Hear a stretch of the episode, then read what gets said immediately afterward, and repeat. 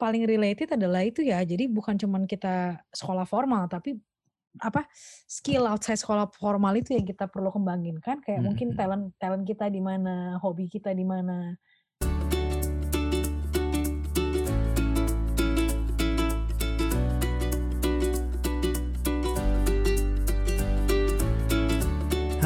Semuanya, balik lagi di Krikil Seperempat Abad bareng gua Rafael dan masih bareng sama Amazia, masih ngobrol lanjutin ngobrolan kita soal dunia belajar dan mengajar. Em, kemarin ini kita sempat nyinggung dikit ya, sedikit banyak soal em, S2. Mungkin di zaman papa mama kita dulu muda, kayaknya gelar em, S2 itu jadi suatu kebanggaan ya. Well, sekarang juga sih, tapi kayaknya ada tambahan bagusnya dan nggak bagusnya juga di zaman sekarang. Ya nggak sih, Zi? Eh, by the way nih, em, sebenarnya S2 tuh menurut lu penting nggak sih? Maksudnya kayak esensial nggak buat diambil semua orang gitu? Nah ini ini ini gue jujur ya, gue nggak bisa menyamaratakan atau mengeneralisir penting atau enggaknya, karena tergantung kaliannya juga gitu loh. Karena eh, gimana ya kalau buat gue waktu itu, nah jadi sebelum gue ngambil yang sekarang gue studi lagi gitu, mungkin gue emang orangnya senang belajar kali ya, jadi senang-senang aja gitu kalau suruh S2. Kalau buat orang kan ah ngapain lu ngambil kuliah tinggi-tinggi gitu kan? Hmm, kepake hmm. buat apa? Nah, kalau gue maksudnya gue mah senang belajar gitu, makanya gue enjoy enjoy aja gitu kan. Nah, Hmm. yang lucu tuh mungkin gue cerita pengalaman gue dari dari setelah habis kuliah sasa terus kenapa gue ngambil S2 yang manajemen dulu kan itu kan beda banget tuh. Hmm, hmm. Nah, itu tuh sebenarnya nah, sebenarnya tuh gue tuh nggak pernah kepikir untuk melanjutin S2 dulu Raf sebenarnya waktu at the moment Hmm. itu. Nah, cuma ketika itu kan ya surat dari ya, waktu itu dapat surat dari Maranatha melayang gitu kan bahwa dulu kan mantan alumni dan memang IPK gue mencukupi jadi kayak ditawarin mau nggak gitu. Oh. Jadi nggak usah nggak usah kalau nggak salah waktu itu nggak- dapet eh, nggak usah ikut tes deh tes TPA-nya tuh nggak usah lagi gitu kayak udah pasti Hmm. masuk gitu loh. Oke. Nah, waktu itu kan ya I ask my parents gitu kan dan mereka bilang ya udahlah maksudnya kenapa enggak gitu. Hmm. Lagian kamu cuma gitu butuh ya? eh, eh, kesempatannya Hmm. ada dan memang maksudnya dan memang nggak butuh waktu lama kan. Waktu itu aku kayaknya dua tahun deh S2 juga tuh kan. S2 emang dua aku tahun ya bukan sih rata-rata? dua tahun gak sih waktu aku aku lupa iya. Tapi waktu itu aku ngambilnya kayak satu tahun setelah aku ngajar gitu loh. Nah itu Oh. kebayang sih. Jadi aku kuliah sambil kerja itu waktu itu Nah. gitu. Nah cuma kalau ditanya harus atau enggaknya, kalau aku waktu itu kenapa pengen ngambil karena waktu itu, aduh ya udahlah kesempatan jadi aku belajar ilmu baru. Hmm. Kalau buatku waktu itu gitu. Kalau harus enggaknya, aku nggak bisa bilang itu harus atau enggaknya sih. Cuma kalau untuk Hmm. lihat sekarang gitu ya, eh kalau aku tetap nyaranin gitu. Saya lagi keputusan mah di tangan individu masing-masing gitu ya. Ada orang Hmm, yang hmm. berpikir karena gini, kalau kalau aku, kalau dari aku pengalaman hidupku, aku tuh orangnya eh, bukan jiwa, maksudnya gini, aku belum memiliki jiwa entrepreneur gitu loh. Oke. Jadi jadi buatku eh, pendidikan tuh penting gitu. Hmm. Karena at least kalaupun gua nggak bisa eh, buka bisnis, gue punya tiket untuk kerja di di salah satu perusahaan atau lembaga nanti gitu loh. Kayak itu aset Hmm. gua gitu loh. Nah, tapi ya nggak tahu ya kalau nanti ti- tiba-tiba gue tiba-tiba jiwa entrepreneur gue terbangun gitu ya nggak tahu. Tapi kan maksudnya ter ini nggak tahu juga gitu. Cuman untuk sekarang gue belum punya itu. Jadi kalau buat gue ini tuh penting banget gitu. Dan sekarang waktu itu kenapa sih motivasi motivasiku kenapa ngomong S2? Nah karena at the moment di kelas gue itu di angkatan gue yang gue S2 waktu itu, nah gue tuh ngelihat kayak maksudnya gue inget gue punya temen tuh dia tuh kepala kepala cabang gitu ya kepala cabang bank gitu. Hmm.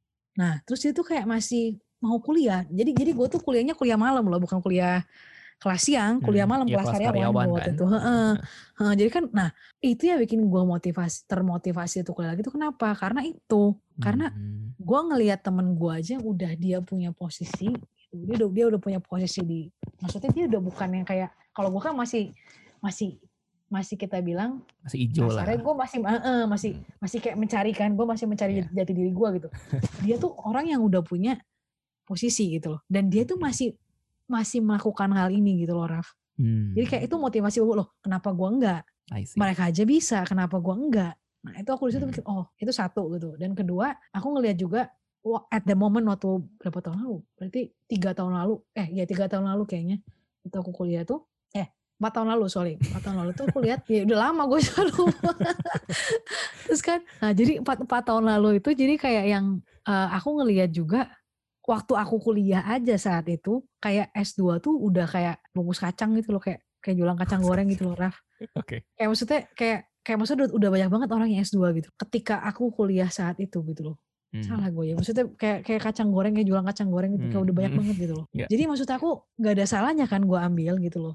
Maksudnya hmm. gue nggak tahu di future bakal jadi apa, tapi at least gue udah punya something gitu. Hmm. Kalau gue gitu. Jadi saya lagi nggak bisa gue bilang dari itu soalnya bukan apa gue juga punya teman-teman yang kayak maksudnya mereka ngambil S2 tapi mereka memang punya jiwa entrepreneurship yang sangat tinggi mereka bisa bikin bikin bisnis ya gue kagum juga gitu kan mm -hmm. gue nggak ke situ arahnya gitu loh mm -hmm. teman-teman gue bisa dan memang mereka membuktikan mereka bisa kenapa nggak juga jadi uh, untuk harus atau enggaknya balik lagi ke individual sih. Maksudnya kayak kamu maunya ke mana? Nah itu kan sama aja seperti contoh kayak S3 kemarin. Hmm. Aku ingat waktu itu dosenku di sini dia bilang ketika kita seminar apakah harus S3 atau enggak, dia kata-kata dia pertanyaannya cuma satu, maksudnya gini, kamu ngambil S3 buat apa?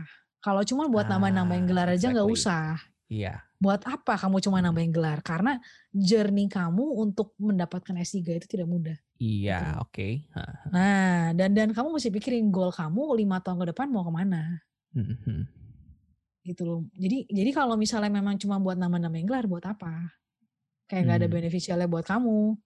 Jadi mikir aja hmm. karena kenapa dia dia pernah cerita bahwa dia punya murid yang sosokan mengambil S3 gitu ya. Di semester pertama eh kayak di tahun pertama udah keluar karena nggak tahan. Berat. Iya. Maksudnya dia dia maksudnya realita mungkin. Maksudnya makanya gue bilang itu makanya gue ya makanya sekali lagi ya kuliah S3 itu memang tidak mudah gitu karena hmm. ya berat itu ya tantangannya juga ya gitu gitu loh. Hmm, um, sebenarnya kalau menurut gue pribadi ya nggak nggak hmm. cuman karena S3-nya sendiri itu berat. Bahkan S2 kan sebenarnya ya udah berat. harusnya Kita lebih udah, berat dong dibanding S1 Iya, kan. berat banget. Berat itu kan. Um, tapi nggak nggak cuman karena beratnya itu sih menurut gue karena um, um, jadi gini, uh, sebenarnya gue juga mau nanya sih kalau lu kayak uh, hmm. lu uh, kalau misalnya dipertimbangkan gitu. Hmm. Uh, mendingan uh, lu S2 dulu atau uh, karir dulu gitu karena uh, gini, ini kayak, uh, apa yang gue rasakan ya, karena, hmm. mmm, gue, uh, maksudnya sepanjang waktu zaman kuliah, ya dari zaman SMA gitu mungkin, dari SMA kuliahan hmm. gitu kan, hmm. gue ikutan organisasi ini itu ini itu ini itu, oke. Okay. Ya. Gue punya pengalaman ini itu ini itu, gue ikutan training itu ini itu juga, ikutan seminar dan segala macamnya gitu kan. Tapi um, itu semua tuh kan bukan apa ya, bukan karena bukan kayak uh, pengalaman profesional kan sebenarnya kan. Uh, tapi gue memutuskan untuk uh, S2 dulu gitu dari dari S1 gue langsung S2 kan tanpa ada hmm. si pengalaman profesional itu gitu loh. Hmm. Dan apa yang gue alami adalah uh, sebenarnya untuk nyari kerja tuh lumayan susah gitu sih menurut gue karena satu oke okay, gue punya pengalaman ini punya pengalaman itu gue punya betul, sertifikasi betul, ini betul dan banget, itu gitu gue punya lulusan betul. S2 dari luar gitu yes, tapi yes, di satu sisi yes. gue tuh overqualified tanpa ada pengalaman yang jelas gitu loh hmm, gitu nah, tap, Kayak, nah itu benar-benar hmm, nah tapi kan. nah, yes Gimana? jadi kalau menurut gue sih mungkin lebih baiknya lebih baiknya ya itu kamu punya pengalaman kerja dulu aja deh hmm. kalau aku setelah gitu jadi jadi sebenarnya kayak ya itu balik lagi ya ini ya kalau aku balik lagi ini kayaknya rencana Tuhan juga gitu. Jadi sebenarnya mimpi, aku tuh dari dulu punya mimpi kuliah keluar. Oke. Okay. Sebenarnya dari itu dari aku lulus kuliah satu tuh aku udah pengen banget kuliah di luar. Hmm. Gitu. Dan itu kalau kamu mau tahu kayak it takes five years for me mm-hmm. to make this come true. Hmm. Dan lima tahun itu ternyata ternyata Tuhan persiapkan aku tuh di itu aku hmm. bekerja dulu gitu loh. Hmm. Jadi at least ketika aku kuliah yang sekarang aku nggak buta-buta banget gitu. Iya. Nah itu itu aku aku satu sisi aku baru nyadarnya sekarang. Hmm. Nah, ini ini ya ini iya, iya ini iya, betul, betul, ya, balik lagi pengalaman hidup mungkin ya pengalaman hidupku ya begini gitu orang. Jadi uh-huh. Jadi mungkin ada baiknya memang punya punya punya ini ya punya uh, punya pengalaman uh, working experience. Kenapa? Karena ketika nah ini contoh juga yang ketika aku kuliah ambil S2 manajemen waktu di Indo gitu di, di Marnet itu jadi yang aku perhatiin karena kita kelas karyawan gitu ya. Jadi dosen juga memperlakukan kita tuh kayak kita karyawan gitu. Jadi dia udah tahu kan kita punya pengalaman di bidang masing-masing. Jadi kayak dan itu lebih membuat menarik. Jadi kayak pengalaman-pengalaman yang diceritain itu kayak pengalaman di tempat kerja gitu Raf. Dan jadi Hmm, hmm. kalau diskusi diskusi dengan teman-teman kita yang udah pada kerja ini kan kita jadi oh di tempat kerja lu tuh begini loh kondisinya. Tempat kerja gue Hmm. begini. Dan jadi tuh kayak oh iya juga ya penting juga gitu punya working experience itu. Dan dan dan tadi eh, Raka sempat sempat mention masalah cari kerjaan nggak mudah bener banget. Itu aku Hmm. setuju setuju banget. Hmm. apalagi di Aussie ya teman-teman ya. Kayak kalau mau kerja contoh nih contoh nih contoh paling jelas nih ya. Ada tuh buktinya aku capture jadi eh kalau mau jadi tukang pijat aja teman-teman tuh harus punya sertifikasi atau punya Betul. gelarnya Betul, betul. bisa asal mijet doang no Iya. di sini harus punya pengetahuan itunya juga Hmm, hmm, nggak bisa sembarangan hmm. Betul sekali. Gitu. Di Aussie ada pijat tunanetra nggak ya? Kayaknya nggak ada. nah itu dia Gue penasaran deh. Ada nggak ya? Ya, itu Kayaknya dia enggak aduh Modal aduh. kacamata Aku- doang aku- kan itu? Ya itu tuh aku nggak sengaja. Nah itu kenapa aku bilang gitu? Karena nggak sengaja aku on the way naik bus. Hmm. Nah bus depanku tuh tulisannya itu. Aku langsung gini. Aku langsung capture, aku taruh Instagram. Ini tukang pijat aja di sini butuh gelar bro, bukan Oh bukan iya. bukan bukan cuman bukan cuma lu asal mijat doang gitu loh. Hmm. Gak sembarangan di sini gitu kan mereka mereka take it seriously untuk masalah-masalah begitu. Hmm. Karena maksudnya mereka memang untuk tenaga kerja kan dibebani, Zi. Yes. Karena ya buat yes. asuransi apa segala macam otomatis kan iya, betul. jadi- kayak dihargain juga. ya dihargain dan mereka pasti Yes. melihat si eh, orang yang mereka bayar ini sebagai investasi gitu loh kan. Benar banget. Si orang ini tuh bisa mempertanggungjawabkan apa yang mereka keluarkan nggak gitu kan. Hmm. Kalau misalnya mereka sembarangan ngambil kan ya Ya. risikonya gede gitu kan. Hmm. Ah, dan waktu itu kebenaran waktu zaman gua di Aussie juga eh, pas S2 tuh kan banyak banget orang yang eh, ngambil S2 tanpa punya pengalaman kerja kan. Dan Hmm. em, gua juga ngerasain kayak mereka kadang-kadang eh, bingung gitu loh ngambil S2 tuh buat apa. gue juga sebenarnya agak bingung karena karena gue nggak punya pengalaman kerja dan nggak lagi kerja juga kan waktu itu. Tapi untungnya gue masih kayak oke gue gue tau lah gue mau mau karir ke arah mana atau seenggaknya bidang apa yang pengen gue tekunin. Jadi seenggaknya gue masih punya eh, target itu loh sih. Dan sebenarnya kalau misalnya teman-teman gue yang lain itu kan kayak bener-bener buta gitu loh kayak arahnya mereka belajar apa yang mau mereka belajarin tuh apa itu tuh nggak Benar banget, benar nggak jelas gitu dan gue yakin kayak di kelas lu juga kan pasti ada kan orang-orang yang seperti ini gitu kayak yang eh, ah udahlah lulus iya. S1 masih belum tahu mau ngapain ngambil S2 aja gitu loh daripada daripada nganggur ya nggak sih Nah, iya iya. Sebenarnya nggak salah juga sih itu sama extent nggak ya gitu. salah Maksudnya Nah, daripada mereka killing time for nothing kan mendingan belajar gitu kan. hmm, iya Cuma bener kata kamu sih Raf kayak maksudnya ya aku gimana ya memang nyari Hmm. kerjaan tuh gak gampang banget. Aku setuju banget, setuju banget. Kadang-kadang even though we have the the good apa ya kayak kita udah lulusan mana pun gitu ya lulusan S2 sekalipun ya itu Hmm, kadang-kadang nggak menjamin juga bakal bisa dapat langsung dapat kerjaan gitu. oh enggak emang nggak bakal gitu. Dan sebenarnya eh, dan sebenarnya kayak eh, ketika lu eh, harus belajar itu tuh kan nggak nggak terpaku sama kayak apa ya belajar formal S1 S2 doang kan. Kayak bahkan sekarang juga Benar. setelah setelah gua kerja juga gue masih ngambil ngambilin kelas online kok kayak ya buat ya nambah-nambahin skill dan Menambah segala skill macamnya kan. ya kan Nah, gitu Bener bener. kayak buat belajar mungkin- desain dan segala macamnya gitu Nah, jadi mungkin paling related adalah itu ya. Jadi bukan cuman kita sekolah formal, tapi apa skill outside sekolah formal itu yang kita perlu kembangin kan. Kayak Hmm, mungkin hmm. talent talent kita di mana, hobi kita di mana. Justru justru Hmm. malah banyak orang yang udah udah sekolah segala macam nanti malah pekerjaannya lari lari jauh dari eh apa dari dari kuliah mereka malah kan ma- malah ada yang kerjanya malah Hmm, malah karena hobi mereka gitu ditekunin gitu. Itu kan bukan nggak mungkin juga. Iya gitu. tapi nggak salah Tuh. juga kan maksudnya seperti itu tuh sebenarnya gitu. Mm-mm, nggak salah. Itu oke banget sih malah justru aku malah kagum sama yang begitu karena Heeh. ya itu karena ternyata kan ya itu makanya orang teh beda-beda ya talentanya. Dan itu ya ya bagus lah dengan beda-beda kan jadi kayak lapangan pekerjaan jadinya ada buat semua gitu karena kan orang Mm. juga punya talenta beda-beda gitu Iya, banyak banget kok yang kayak gitu. Ada yang Iya. kayak temen gua lulusan eh, hukum Unpad, Hmm, udahnya dia buka restoran. Ada Iya, yang keren. lulusan pertanian IPB, udah-udahnya kerjanya di bank gitu. Terus Iya, oh, ini keren. juga guru piano gue tuh lulusan kedokteran loh, Hmm, tapi udahnya ngajar piano gitu. Nggak ada salahnya keren ya sebenarnya nggak salah lah. gitu maksudnya. Iya keren. Dia dia Nah. seorang dokter tapi dia bisa main musik. Kenapa Hmm, keren banget kan. Terus kayak iya. terus kayak misalnya nah terus kayak contoh gitu. Misalnya ada kan kayak misalnya dulu dulu dulu gue inget gue makan di salah satu restoran gitu restoran mie gitu. Mm-mm. yang punyanya itu lulusan S2 lulusan S2-nya USA atau sih mana gitu ya. I see.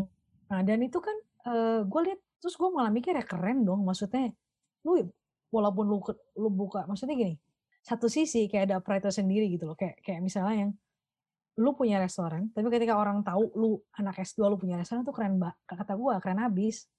Kayak maksudnya beda lah pasti maksudnya lu punya eh, apa maksudnya ada perbedaan gitu kayak ada pride-nya Mhm, sendiri gitu mhm. loh Raf.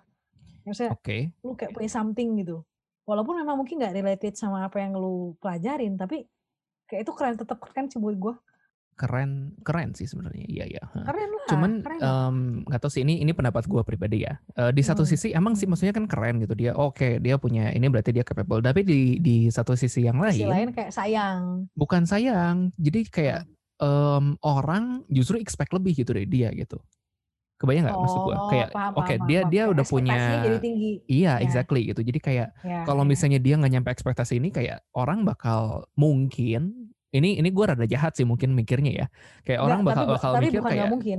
Eh, orang bakal bakal bisa mikir "Oh, benar ini S2 cuma kayak gini doang buat apa S2 gitu. Nah iya. Nah yang lain nggak bahkan ada yang nggak kuliah aja bisa kok bikin restoran yang lebih sukses gitu. Iya, ngapain lo S2 iya, gitu kan? Makanya ada yang kayak gitu makanya. juga gitu. Ya rada jahat sih mungkin mikirnya. Cuman em, nggak tahu sih. Dan maksudnya sebagai eh, mungkin lu juga ngerasain em, sebagai Hmm. orang yang punya gelar yang lebih tinggi tuh ada ekspektasi orang-orang yang Ada. lebih gitu deh dari kita ya walaupun Yes. mungkin ya ada sih maksudnya yang yang kadang-kadang oh lu kan S2 lu Mhm. harusnya bisa gini gini gini gini ada orang yang eh, dapat kayak gitu gitu dan kebenaran di eh, lingkungan gue nggak sih orang-orangnya nggak nggak gitu sih cuman Iya. em, karena apa ya mungkin ya tekanan pribadi nggak juga sih jadi kayak ya maksudnya Kalau gue soalnya modelnya gini, gue gua kalau kuliah atau apa, maksudnya gini, Hmm. Gue bukan tipikal anak yang ngejar akademik sebenarnya. Jadi gue Oke. kayak kalau kuliah juga, gue senangnya jadi kayak selain gue studi kayak di kayak gini, gue nggak mau cuma studi gitu, tapi gue pengen Hmm. ngelakuin hal lain di luar studi, kayak misalnya apa, ikutan organisasi lah, ikut apa, nah itu gue seneng gitu loh. Hmm, Jadi hmm, kayak hmm. kayak eh, buat gue jadi kayak gue enjoy aja. Jadi maksudnya justru yang gue lebih seneng pengalaman gue sekolah itu ada yang lain selain daripada gue cuma ngejar akademik setuju gitu. iya betul Kalau gue Heeh, karena heeh, kenapa? Ya tadi like you said gitu ya, masa ngomongin masa experience. Aku inget banget ketika aku mau ngelamar kerja di Aussie gitu. Aku mau coba part time Desember tahun lalu. It took Mhm. me about, three months, three or four months itu untuk Hmm. dapet it- pekerjaan itu. Dan akhirnya ujung-ujungnya aku kerja di mana? Aku kerja di restoran Indonesia juga. yang punya orang Jakarta. oke Sih, itu nggak jauh-jauh lagi gitu kan. Hmm, hmm. Nah, tapi kenapa? Kenapa aku inget banget ketika aku ngelamar, mintanya apa? Experience. Apa Hmm. sih experience-mu? Jadi, jadi sekarang tuh kayaknya lebih dilihat ke situ sih. Jadi kayak iya mau kamu setinggi apa pun ilmunya, kalau kamu nggak ada experience itu kayak zero gitu. Kayak orang Hmm. tuh belum belum menghargai ke sana. Iya Kayak aku coba kayak ini apalagi abis covid gitu ya, ketika mau Hmm. coba ngelamar kerja lagi tuh nggak mudah karena eh, persyaratannya gitu kan. Kayak mereka kasih requirement minimal satu tahun atau minimal berapa bulan. Sih itu Hmm. kan iya nggak gampang gitu. Sementara kan kita di Indonesia kita eh, tidak dibesarkan dalam budaya bekerja inget gak sih? Ya kan? Kayak mayoritas orang tua Hmm. Indonesia kan lebih lebih kayak kalau bisa jangan kerja dulu, lu beresin dulu studi lu gitu loh. Hmm, Baru lu iya, kerja. heeh, heeh, betul, karena betul. karena eh, aku punya parents seperti itu juga pemikirannya. Dan aku bilang maksudnya gini, ya aku nggak bisa menyalahkan mereka karena maksudnya ya sekali lagi ya maksudnya mereka kan lebih banyak makan asam garam kehidupan daripada aku Mhm. gitu loh. Jadi tuh sama extent ya aku kadang mikir bener juga. Karena kenapa? Mhm. Ketika nah kalau sekarang aku sambil kerja kuliah tuh aku udah biasa gitu loh Raf. But at the moment waktu aku S1 aku suruh kerja sambil kuliah mungkin buat aku itu berat gitu. Hmm. Karena karena eh, kan nyi- nyeimbangin waktu antara kuliah dan kerja tuh kan nggak mudah gitu loh Raf. Dan dan kadang kalau kita udah kerja kita udah megang uang itu kayak kita jadi lebih termotivasi sebenarnya kan buat ngurusin kerjaan daripada kuliah kan. Iya. Terus sama Sen kayak gitu gitu loh. Makanya aku juga mikir kayak yang hmm, ya mungkin mungkin ya ada baiknya juga aku beresin dulu kuliahku baru aku kerja. Jadi kayak dan dan konsentrasiku nggak kepecah gitu loh Raf. antara dua itu. Aku Hmm. bisa fokus juga gitu loh. Tapi mungkin, mmm, ini yang gue tangkep Hmm. kali ya dari dari setelah gue ngobrol sama beberapa orang gitu ya. Hmm. Mmm, di generasi papa mama kita mungkin ya, Hmm. mereka kan nge-encourage kita buat, eee, studi terus studi studi studi sampai tinggi gitu kan karena, eee, kebanyakan ada orang-orang yang eh, orang tua-orang tua yang ber ber apa ya, berpikiran kayak, "Oh dulu tuh mereka nggak punya loh kesempatan, eee, buat kuliah tinggi-tinggi," gitu loh. Nah, Jadi makanya dia kayak pengen anaknya begitu. Iya, itu satu gitu loh. Dan, bener. mmm, tapi maksudnya di di sisi yang lain, mmm, zaman tuh sudah berubah gitu kan. Eee, kayak orang sekarang lebih ngelihat, eee, pengalaman gitu. Mungkin, eee, antara antara seimbang antara edukasi dan pengalaman atau lebih tinggi pengalaman malah yang dilihat gitu kan. Karena, mmm, maksudnya sekarang lu punya, eee, gelar tinggi-tinggi tapi nggak punya pengalaman tuh orang, eee, takut gitu loh buat ngebayar lu. Maksudnya sekarang gue kalau misalnya memposisikan diri sebagai, eee, employer gitu ya, orang yang punya usahanya, ya takut gitu loh, apa, lu lu mau nge ngegaji orang tanpa, eee, ada apa ya, kayak hasil kerja yang jelas gitu loh. Karena Hmm. maksudnya kan lu sekarang udah punya gelar tinggi, asumsinya gitu Iya. ya, first come to mind-nya kan pasti, oh ini pasti minta bayarnya lebih dong daripada yang, eee, apa misalnya, lu sekarang udah udah S2 nih pasti eee, expect-nya punya gaji lebih tinggi Kayak daripada yang S1 dong gitu iya iya. Tapi Dan kan nggak wajar bisa, menurut gua gitu loh. Tapi iya, cuman exactly ya kalau nggak ada gitu experience nggak bisa gitu Mhm, kan. gitu. Lu digaji lebih kalau lu punya experience lebih dong gitu. Mmm, iya, heeh, eh eh, eee, basically lu bisa dapet yang lebih kalau misalnya lu bisa ngasih yang lebih juga gitu kan, ya nggak Iya, sih? bener. Nah, mmm, tapi oke misalnya, eee, pasti adalah orang-orang yang, eee, ber-expect seperti itu. Maksudnya sebagai sebagai lulusan S2 expect dapat Mhm. lebih daripada S1 gitu. Ada orang-orang seperti itu. mhm Tapi ada juga orang-orang yang, eee, maksudnya oke dia dia ngerti gitu, dia lulusan S2 tapi dia nggak punya pengalaman, dia misalnya rela gitu, eee, buat dapat iya, gaji yang gaji sama berapa sama yang S1. penting Ada ada orang experience dulu gitu kan. Tapi Kalau gua kayak gitu sih modelnya. heeh, iya, Maksudnya tapi kalau kan misalnya si memang employer-nya nggak ini tahu sih.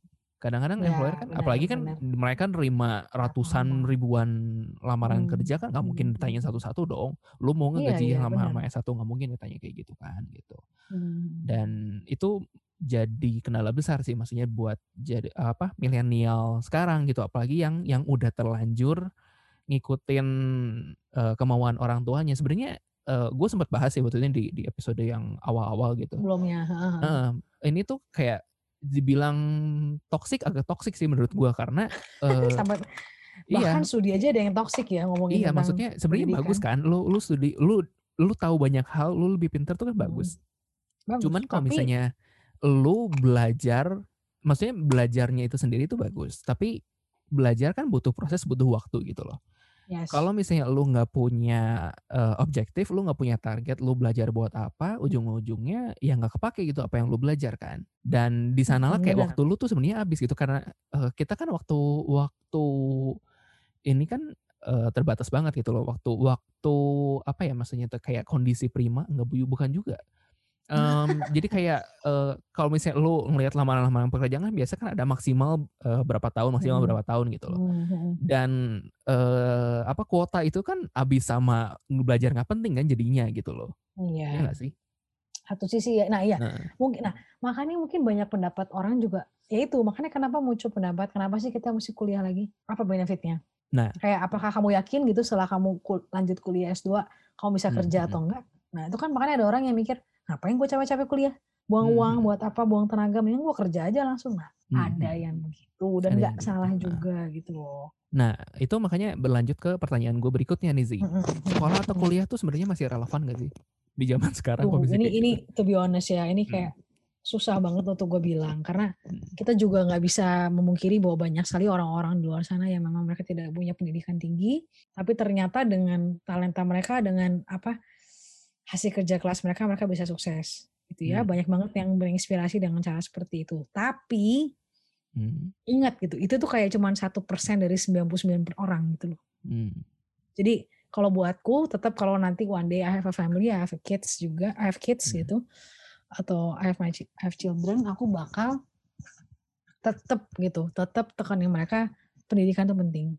Hmm. Gitu. Tetap perlu, tetap perlu. Karena gimana ya, dengan kamu belajar itu sebenarnya kayak pola pikirmu juga terbentuk gitu loh, Raf. Mhm. Jadi gaya kamu berbicara, gaya kamu, apa, menyelesaikan masalah itu kayak terbentuk gitu loh, Raf, tanpa sadar. mhm mhm. Itu tuh itu salah satu yang buat aku benefit-nya pendidikan buat aku gitu loh. Jadi kayak kamu juga nggak sembarangan ngomong ke orang gitu loh, Raf. Jadi Hmm. kayak karena kamu sudah terlatih kan untuk untuk berpikir seperti itu, caranya begitu. Jadi kayak you your intellectual gitu loh by by doing that, by studying gitu. Jadi kalau buat aku, kalau ada kesempatan tetaplah tetap pendidikan dulu nomor satu kalau aku sih. Mhm. Itu karena biar gimana kan gimana ya, nanti kan kamu bakal punya keluarga gitu kan dan kadang-kadang tuh kayak ada pride juga gitu tau gak sih? Kayak maksudnya anak-anak kamu tahu bahwa, ih mama kamu mama tuh gitu-gitu maksudnya mama tuh pernah kuliah loh, maksudnya mama tuh kuliah Hmm. S2, kan anak teh bangga gitu loh. Eh jangan salah itu tuh kayak pride juga buat anak kita gitu loh, kayak mamanya, oh jadi kan anaknya juga kayak terinspiring kan untuk oh iya ya mama teh bisa gitu, jadi aku teh juga kudu bisa gitu kan. Satu sisi ada sih, aku ngeliat ke situ, tapi tetap sih buat aku kalau masalah relevan gaknya, buat aku pribadi itu relevan. Penting banget Hmm. buat, eee, mempengaruhi cara pola pikirku dan cara aku nyelesain masalah terutama. Mhm mhm. Itu kayak aku ngerasain sekarang tuh kayak makin ke sini makin, oh jadi lebih paham, jadi lebih ini tuh karena ya selain aku belajar, aku mempraktekkan gitu loh, Raf. Di Hmm. kehidupan nyataku gitu. Dan mungkin gue mau nambahin kali ya dari Mhm apa yang gue sempat rasain kali ya. Menurut gue sekolah dan kuliah ini juga masih relevan sih sih. Maksudnya kan emang Yes, maksudnya kalau misalnya kita kita, Sangat. eee, ngelihat ya di zaman sekarang, Hmm. mmm, oke mu mungkin emang lu nggak perlu dapet materi pendidikan khusus dari sekolah gitu loh. Karena, eee, di luar sana Yes, ya karena dengan adanya internet, ada resource. ada buku, Mhm. ada kayak ya lu bisa beli buku ke mana juga gitu loh. Sekarang ada online shop Yes, buku apa segala sekarang macam udah gitu loh. banyak. Resource tuh banyak banget gitu loh. Tapi, mmm, ada hal-hal yang nggak bisa digantikan dari apa yang lu dapat dari sekolah gitu. Mau baik mau Ya, ada buruknya gitu. juga ada juga, iya Heeh, betul. kayak, eee, misalnya lu, eee, apalagi kayak di sekolah yang gue sama lu alumni sama deh kayaknya ya, anggap aja iya lah ya. Dan maksudnya, mmm, di sama tapi kita tidak pernah bertemu. karena angkatan kita terlalu jauh. Iya, iya, gap-nya ya gap-nya ya, generation gap. Eee, iya maksudnya kayak di sekolah-sekolah yang seperti kita ini kan, gue nggak tahu sih ini ini bagus apa enggaknya, cuman kan. Sikut-sikutannya lumayan ya, maksudnya dengan persaingannya, apa segala macamnya gitu. Yes, Berat, yes. waktu-waktu kita ngejalanin itu sangat sangat berat dan, eee, bikin stres juga, tapi kalau misalnya kita ngelihat gitu ya, dan, eee, jujur gue bersyukur sih gue gue pernah kecemplung di lingkungan yang seperti Sekolah itu seperti gitu. itu, jadi kita kayak punya fighting spirit juga kan untuk Exactly, ngadepin iya, tantangan di luar sana. Heeh, mungkin Dan kalau memang misalnya iya. gue nggak nggak pernah ada di lingkungan seperti itu, gue maksudnya mental gue tuh nggak bakal sekuat sekarang terbentuk. gitu. Nah itu nah itu mungkin nah itu mungkin Hmm. poinnya. Jadi kayak sekolah atau kuliah itu kayak membentuk mental kita gitu loh. Iya, itu satu sih Hmm, menurut karena gue dan, eee, yang lainnya betul lagi banget. adalah, eee, untuk kita berinteraksi sama orang lain. Nah. Hmm, Nah karena iya iya. heeh. Hmm, terutama dalam masalah teamwork ya, Iya, mungkin kamu juga betul. pernah. Hmm. Betul sekali. Itu ngelatih banget, bener bener setuju banget. Mhm. Karena dalam sekolah tuh kayak kamu bakal ber-pairing dengan berbagai macam orang, Hmm. dan maksudnya orang tuh punya karakteristik yang berbeda-beda. Nah itu tuh kesempatan buat belajar nggak sih? Kayak maksudnya Iya, ngelatih leader skill, leadership skill kita, ngelatih ya tadi aku Hmm. bilang problem solving kita, sama Iya, heeh. ngelatih bagaimana cara kamu nge-handle orang. Kayak Hmm. maksudnya how to manage people gitu. Betul, betul betul betul betul. Itu tanpa sadar tuh kamu belajar gitu. Dan maksudnya Hmm.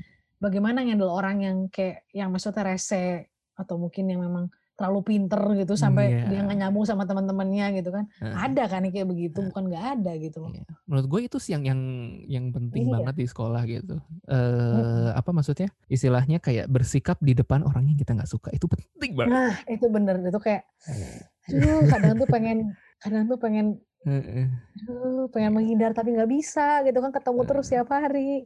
No Nah offense itu ya maksudnya buat gimana? buat kalian-kalian yang mendengarkan gitu, maksudnya, nggak maksudnya kita pasti mmm punya pengalaman seperti itu gitu. Kita Iya, pasti bakal encounter orang-orang yang begitu. Iya, dia maksudnya kan kita juga kan nggak mau nggak mau munafik kan, maksudnya kayak kita pasti Mhm ada orang-orang yang kita nggak suka gitu, tapi kan kita, Orang tuh juga nggak suka nggak di sama kita posisi gitu loh, sama Heeh, aja. iya maksudnya dan kita tuh Ya nggak nggak di pasti. posisi kita bisa eh, menunjukkan itu dengan sukarela gitu. Maksudnya bukan bukan Iya. pengen apa ya, bukan pengen nutup-tutupin atau gimana gitu kan. Cuman Hmm. em, kita memutuskan untuk begitu kan untuk menghindari masalah yang lebih besar kan biasanya gitu. Dan Hmm. eh, itu sangat-sangat efektif itu belajar-belajar skill. Apalagi kalau apalagi kalau ketemu orang yang nggak suka di tempat kerja. Waduh, itu kayak Wah, itu waduh, banget. itu Iya, kayak iya. tantangannya yang uh gitu.